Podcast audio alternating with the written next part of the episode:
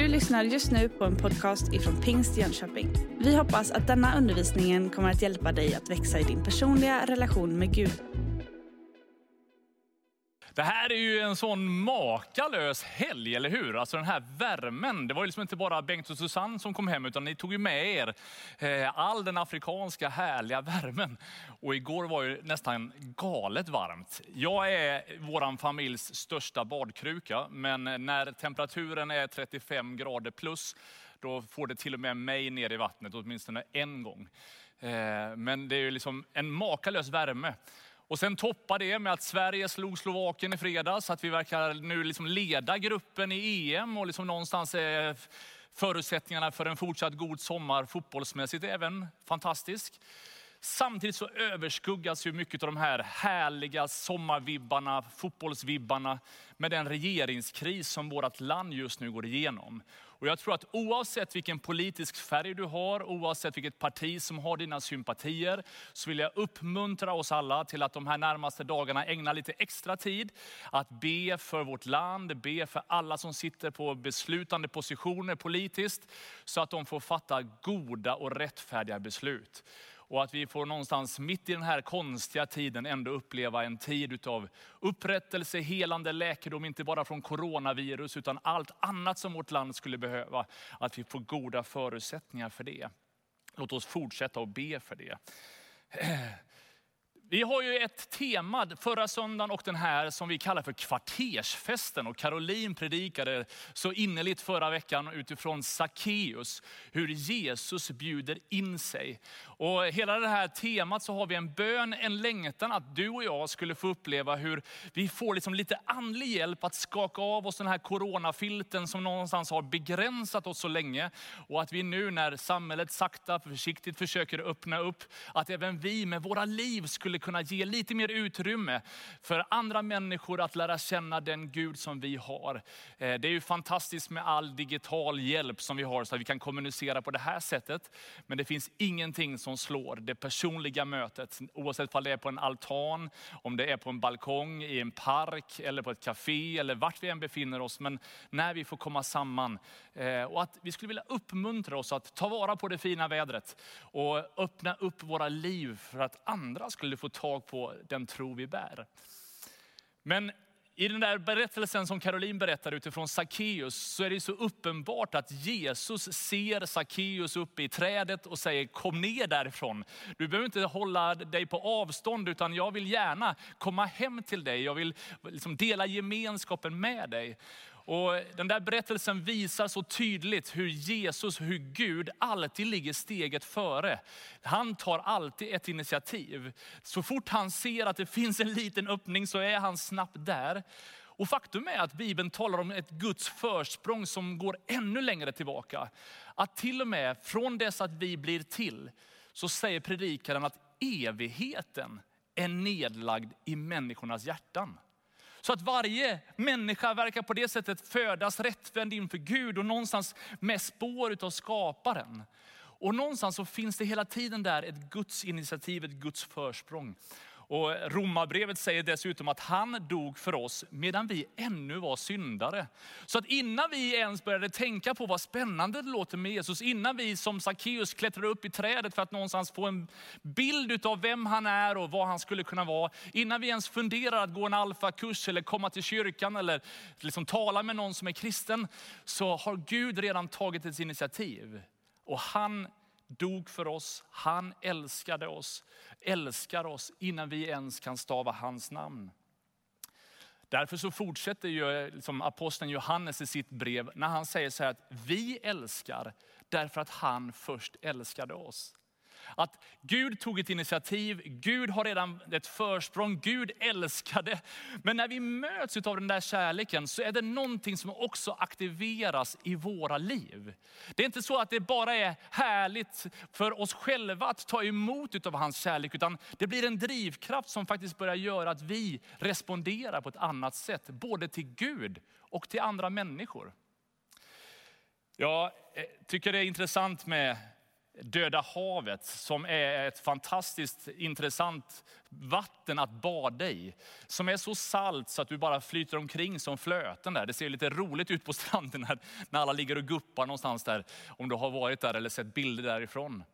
Men Döda havet är ju dött för att det finns bara ett inflöde, det finns inte ett utflöde. Och därför så utmanas jag av att tänka, om han har älskat mig, vad blir då min, mitt utflöde av den kärleken som strömmar över mig? Vad gör jag med det som kommer till mig? Inte bara i respons tillbaka till honom, utan i samma andetag precis som vi sjöng alldeles nyss. lär mig att älska så som du gör. Låt mig se på människor runt omkring mig så som du gör. Låt mig få leva för någonting större än bara att få en härlig känsla och att vara älskad själv.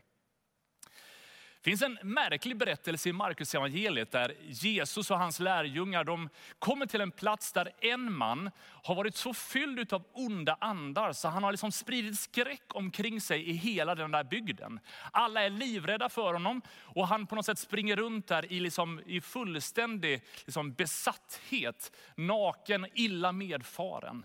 Och I mötet med Jesus så blir han fullständigt befriad. Mörkret tvingas ut ur mannens kropp. Alla de dessa liksom, legion av demoner fick liksom bara ge vika. Och han får bli vid sina sinnen helad och upprättad.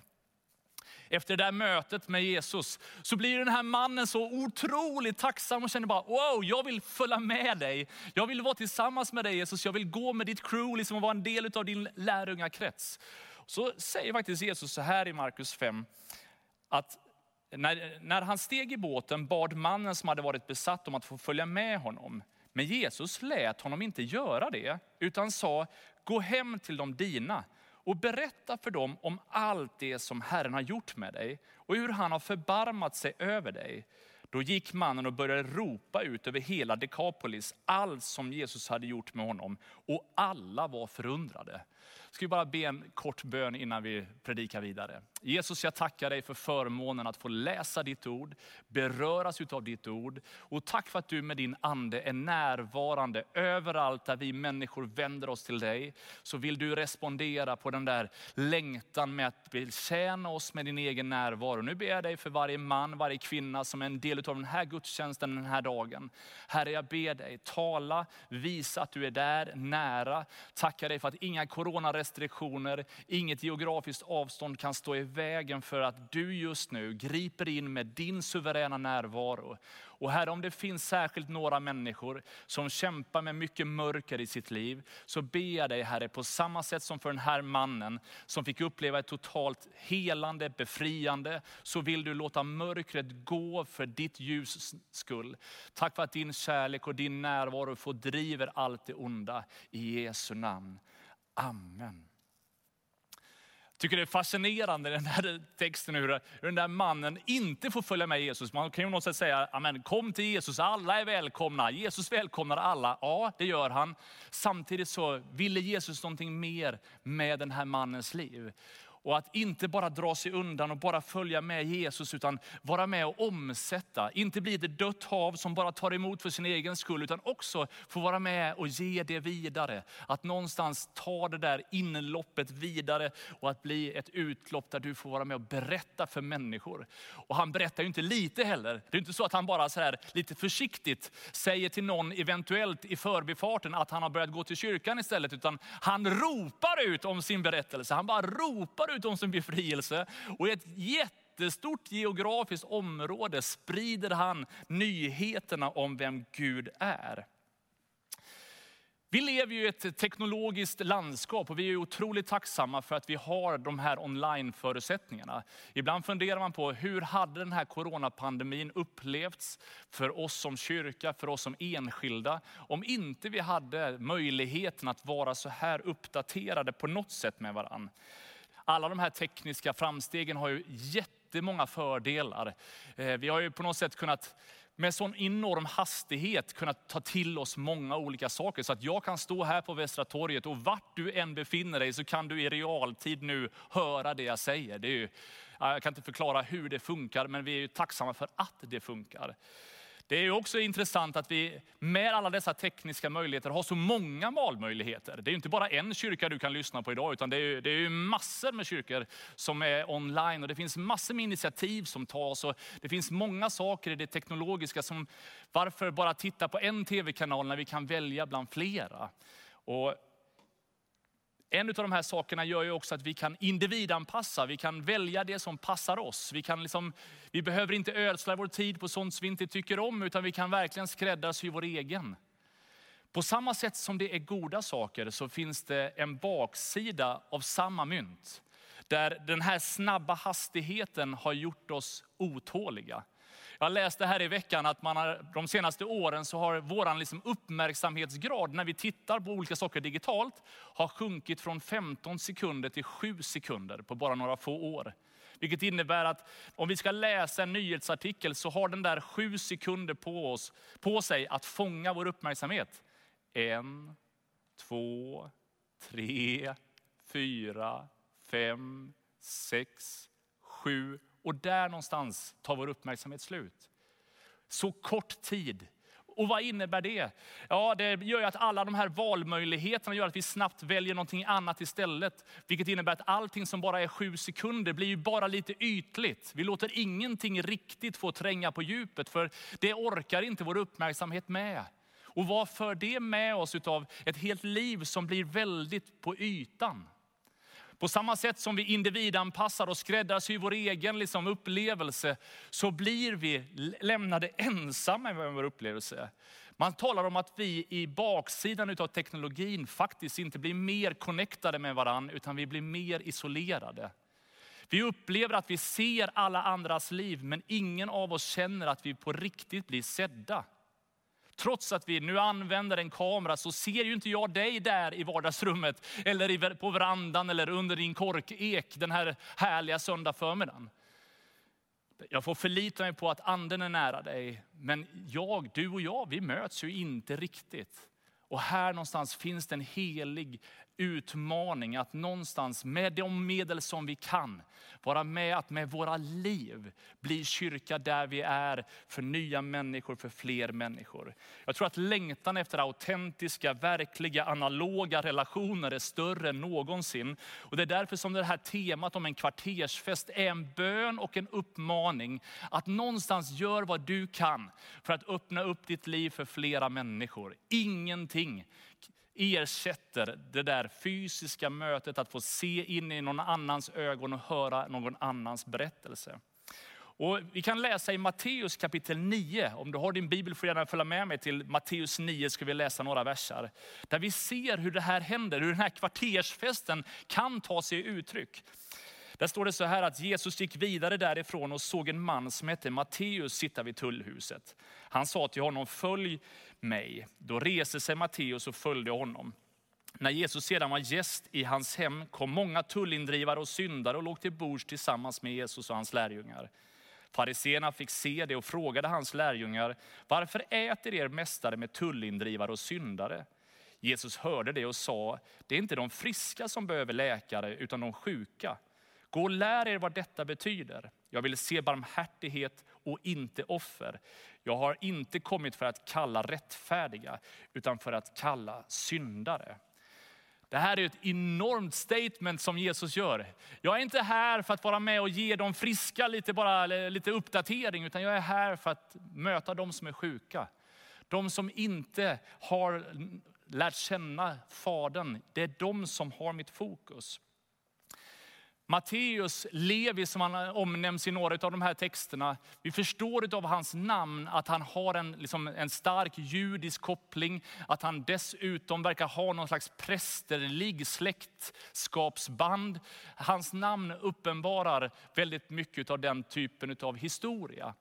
Därför så blir det lite anmärkningsvärt att han som är jude, prästsläkt, dessutom nu då börjar jobba för ockupationsmakten som tullindrivare. Han på något sätt vänder hela sitt släktskap ryggen, går sin egen väg. Och vi kan bara ana lite grann bakom ytan vilken utmaning det har för alla hans relationer.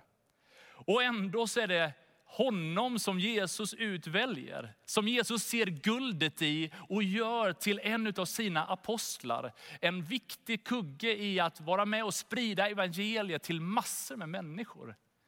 Gud verkar se någonting som inte någon annan såg. Gud verkar se möjligheter där andra kanske har satt honom i ett särskilt fack.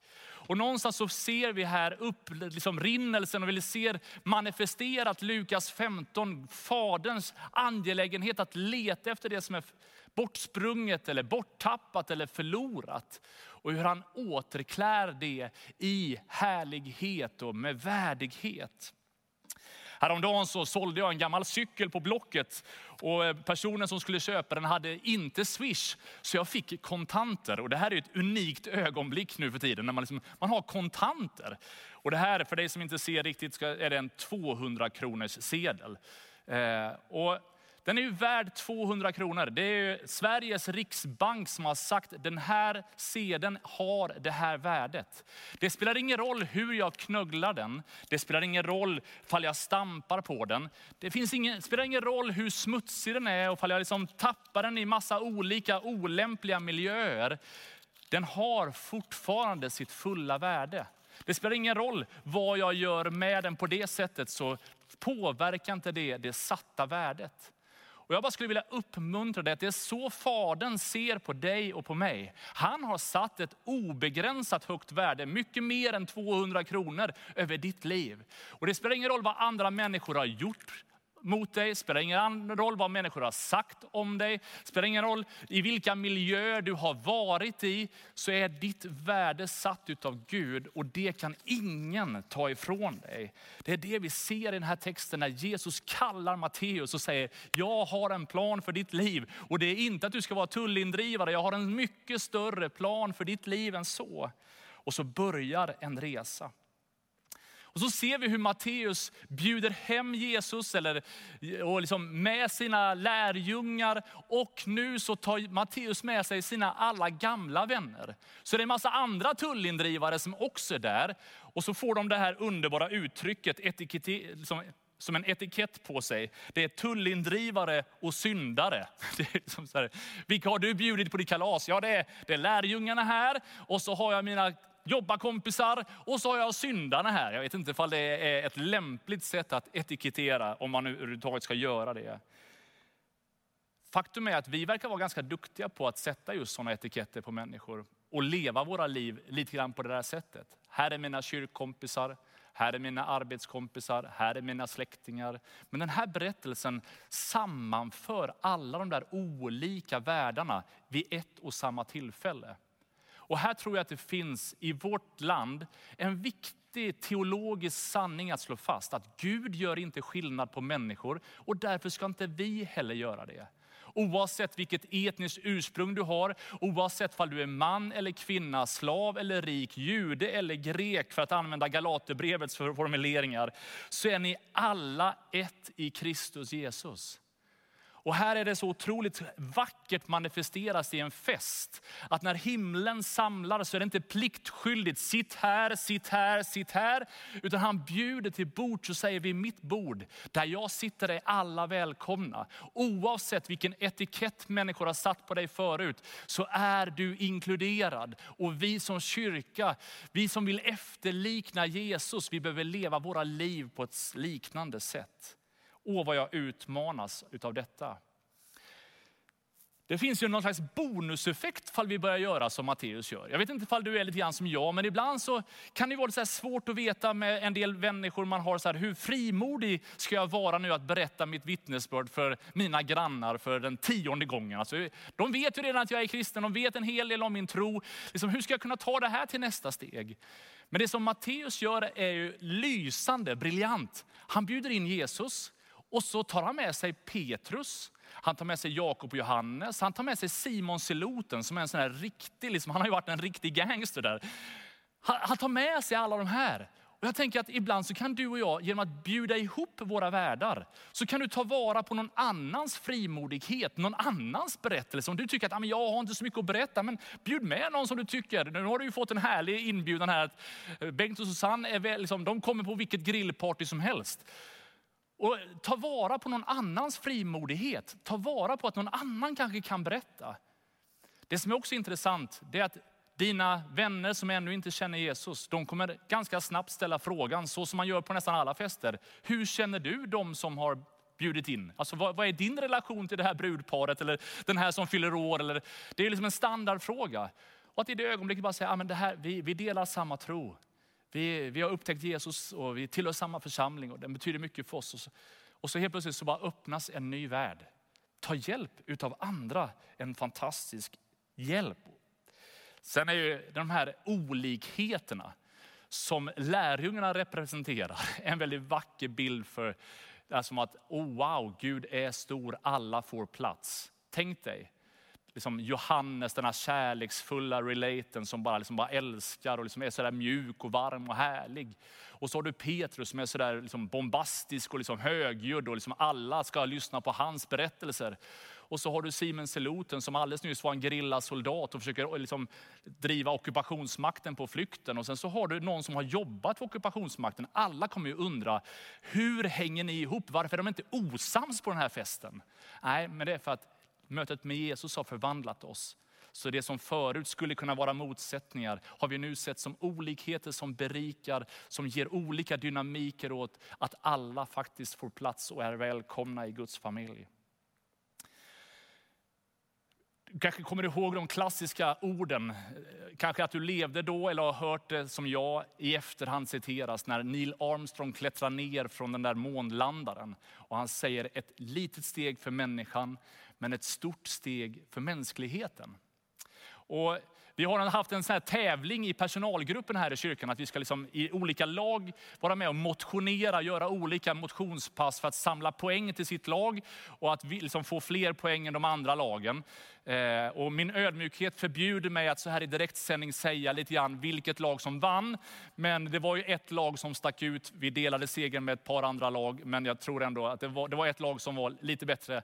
Men som sagt, vi kan inte säga så här, det, det, min tystnadsplikt begränsar mig. Men, Eh, någonstans så skulle jag, liksom, har vi gjort det här, man ska, om man går 10 000 steg per dag, det är ett bra medelvärde, ett bra snitt och någonting att liksom någonstans ganska många har. Om det är sant att man går ungefär 10 000 steg om dagen, så skulle det innebära att man går 18 000 steg under en livstid. Vilket innebär att vi skulle kunna promenera runt jorden fyra gånger. Det är ju otroligt klimatsmart dessutom. Men om vi då skulle ställa oss frågan, använder jag de stegen på ett vis sätt? Om jag har så många steg, vart tar jag då mina steg någonstans? Ett normalt rum kanske är sex meter långt och eh, ungefär tio steg tar det att gå från den ena sidan av rummet till den andra sidan. Och kanske är det just det avståndet som ibland kan vara det svåraste. När man är på en fest eller när man är på ett ställe där man inte liksom riktigt alltid känner alla andra, så är det ganska tryggt att stå på samma ställe. Det krävs ibland lite mod att lämna den där trygga platsen som jag känner till och gå de där stapplande tio stegen till någon som jag aldrig har pratat med förut och på något sätt inleda ett samtal. Att lämna den där bekvämlighetszonen och gå in i det obekanta kan vara ett litet steg för människan men ändå betyda evigheten för den andra. Oh, om du och jag skulle kunna våga göra det. Vad skulle hända fall du den här sommaren bestämde dig för att inte bara grilla med de som du alltid grillar med, utan öppna upp din altan, bjuda in några fler. Och någonstans utmana dig själv att likt Matteus samla vänner både från de som delar din tro och människor som ännu inte har upptäckt vem han är. Med en förväntan att Jesus själv ska vara mitt ibland er och utgjuta sin närvaro och allt det som han har med oss. Vi kan få utveckla vänskapen med Gud. Vi kan få utveckla vänskapen på samma sätt med andra människor. Det finns lite olika forskare som har talat om att man kan leva med tre U i sitt liv. Att utveckla vänskap, upptäcka berättelser och att urskilja nya steg. Jag skulle bara vilja uppmuntra dig att den här sommaren utveckla vänskap. När vi har levt nu sådär inne i vår egen bubbla, tittat i vår egen lilla värld, att någonstans börja upptäcka att kanske bjuda in grannen, kanske någon arbetskamrat som har jobbat liksom distanserat nu jättelänge. Och nu är det möjligt för er att kunna på ett coronaanpassat, coronavänligt sätt ändå börja träffas på lite olika sätt. Använd den här tiden för att utveckla vänskap. Och genom att intressera sig för andra så skapar du en bro för att också evangeliet ska kunna kommuniceras. Folk bryr sig inte om vad du säger för dem, förrän om att de märker att du bryr dig om dem. Upptäck berättelser. Ibland så har ju kanske jag och kanske du en förmåga att hellre vilja berätta vår egen berättelse och alla våra egna upplevelser. Och någonstans ta rampljuset från många andra. Det är en helig utmaning att någonstans den här sommaren våga ställa frågor till de människor som du bjuder hem. Vara med och fråga hur de mår, hur har de upplevt den här tiden, vad bär de i sitt hjärta, vad längtar de efter? Ja, det finns många exempel på bra frågor, men du skulle kunna upptäcka berättelser och märka om det är sant nu att evigheten är nedlagd i människors hjärtan så kanske människor redan har erfarit Gud, även om de inte riktigt vet om att det är Gud de har mött. Och i det där så kan du få urskilja lite nya steg. Att på något sätt se att Gud faktiskt leder dig med sin heliga ande på massa olika sätt. Tar dig på en resa som gör att du kan få vara lyhörd för att skicka med ett bibelord. Kanske fråga om du får be tillsammans. Ja, Gud kan få mana dig på många olika sätt. Det är därför som Jesus säger i Matteus kapitel 5, ni är världens ljus. En stad uppe på ett berg kan inte döljas. Och man tänder inte ett ljus och sätter det under skeppan, utan man sätter det på hållaren så att det lyser för alla i huset. Du är världens ljus, du är ljuset i ditt kvarter, du är ljuset på din gata. Låt det ljuset inte vara paketerat in i din egen lägenhet, utan låt det där få sprida sitt sken så att det lyser för alla i din trappuppgång. Jag älskar uttrycket i Apostlagärningarna 17 när apostlarna börjar komma i rörelse och börjar göra det här missionsuppdraget. Så står det att de blir anklagade, för nu är de här också. De som har vänt upp och ner på hela världen. Och jag skulle önska att det fick vara någonting som sades om ditt och mitt liv. Att här, nu är de här, de som har vänt upp och ner på hela Swahili-kusten. De som har banat väg till Sydsudan. De som har banat väg dit, till det där landet och det där landet, det där folket, den där platsen. Oavsett vilken stadsdel det har för namn i Jönköping, i Sverige eller ut över världen. Vi har ett uppdrag. I det här kan vi vara ödmjuka och känna, men vad har jag att ge? Hur ska jag kunna göra det här? Men då, börjar vi där vi, då slutar vi där vi börjar. Att vi älskar därför att han först älskar oss. Han säger att ni ska få kraft när den heliga ande kommer över er. Och när anden kommer över er så är ni, blir ni mina vittnen. Det blir en automatreaktion att bli mer uppfylld av Gud. Ja, då går det inte att hålla det för sig själv. Och så säger faktiskt Jesus så här att bekymra er inte för hur ni ska tala eller vad ni ska säga. Det kommer att ges åt er i den stunden. Och då är det inte ni som talar utan er fars ande som talar genom er. Kan det vara så att en grillfest sommaren 2021 i slutet av en, förhoppningsvis slutet av en coronapandemi, med allting utav utmaningar med regeringskriser, att du där i all enkelhet kan sitta med en bit mat med någon god vän, sitta och prata en stund, börja bygga den där relationen och att i den stunden få uppleva att anden faktiskt talar genom dig och att du får vara med och så in hopp där det just nu saknas hopp. Att du får så in kärlek där det just nu inte finns så mycket kärlek. Där du får tala in tro, där människor bara har börjat ana vem han är. Kanske finns fler Sakaios som behöver kallas ner från trädet och bjudas hem till ditt vardagsrum den här sommaren. Och jag vill bara uppmuntra dig att ta vara på detta. Kanske är det så att du den här söndagen följer med den här gudstjänsten och känner att du skulle gärna vilja vara en sån där Matteus-person som samlar människor och delar evangeliet. Men eh, du känner dig som den där hopknycklade. Du känner att du har blivit trampad på. Det känns som att någonstans du har, du har inte riktigt det som krävs. Då skulle jag bara vilja be en enkel bön för dig och i den bönen också säga att du är inte längre ifrån Jesus än att bara säga, Herre jag behöver dig. Jag behöver att du är min Herre, jag vill att du är min frälsare. Och att han är frälsare innebär inte bara att du får liksom evigheten klar med honom, utan du kan få bli helad, befriad, läkt från det som just nu är tillknugglat i ditt liv. Du kan få uppleva frihet i Jesu namn. Och Herre, nu vill jag bara be för hela vår församling, alla som följer den här gudstjänsten på olika sätt. Tack för ditt heliga ord, att det är levande och verksamt överallt, vart vi än befinner oss. Och nu ber jag dig för varje man, varje kvinna, att vi skulle få vara bärare utav evangeliet på samma sätt som Matteus. Inkludera nya människor, vara med och samla människor på olika sätt Herre. Och att det skulle få vara sådana här heliga ögonblick i mängd den här sommaren. Låt oss få använda utomhusmöjligheterna till dess liksom bristningsgräns. Herre, vi längtar efter att coronapandemin helt är liksom borta från vårt land så att vi kan träffas både inomhus och utomhus som vi på något sätt önskar. Men den här sommaren sommaren, när ändå vädret är lite mer med oss, låt oss använda det. Låt oss ta vara på det här fönstret som just nu står öppet. Låt oss ta vara på möjligheten att dela vår tro. Och jag bara ber dig Gud, också om att du i den här stunden skulle läka, befria, hela och frälsa den som törstar och längtar efter dig. Herre, jag tackar dig för att du famnar oss alla och vi lägger våra liv i dina allsmäktiga händer. I Jesu namn. Amen. Du har just lyssnat på en podcast ifrån Pingst Jönköping.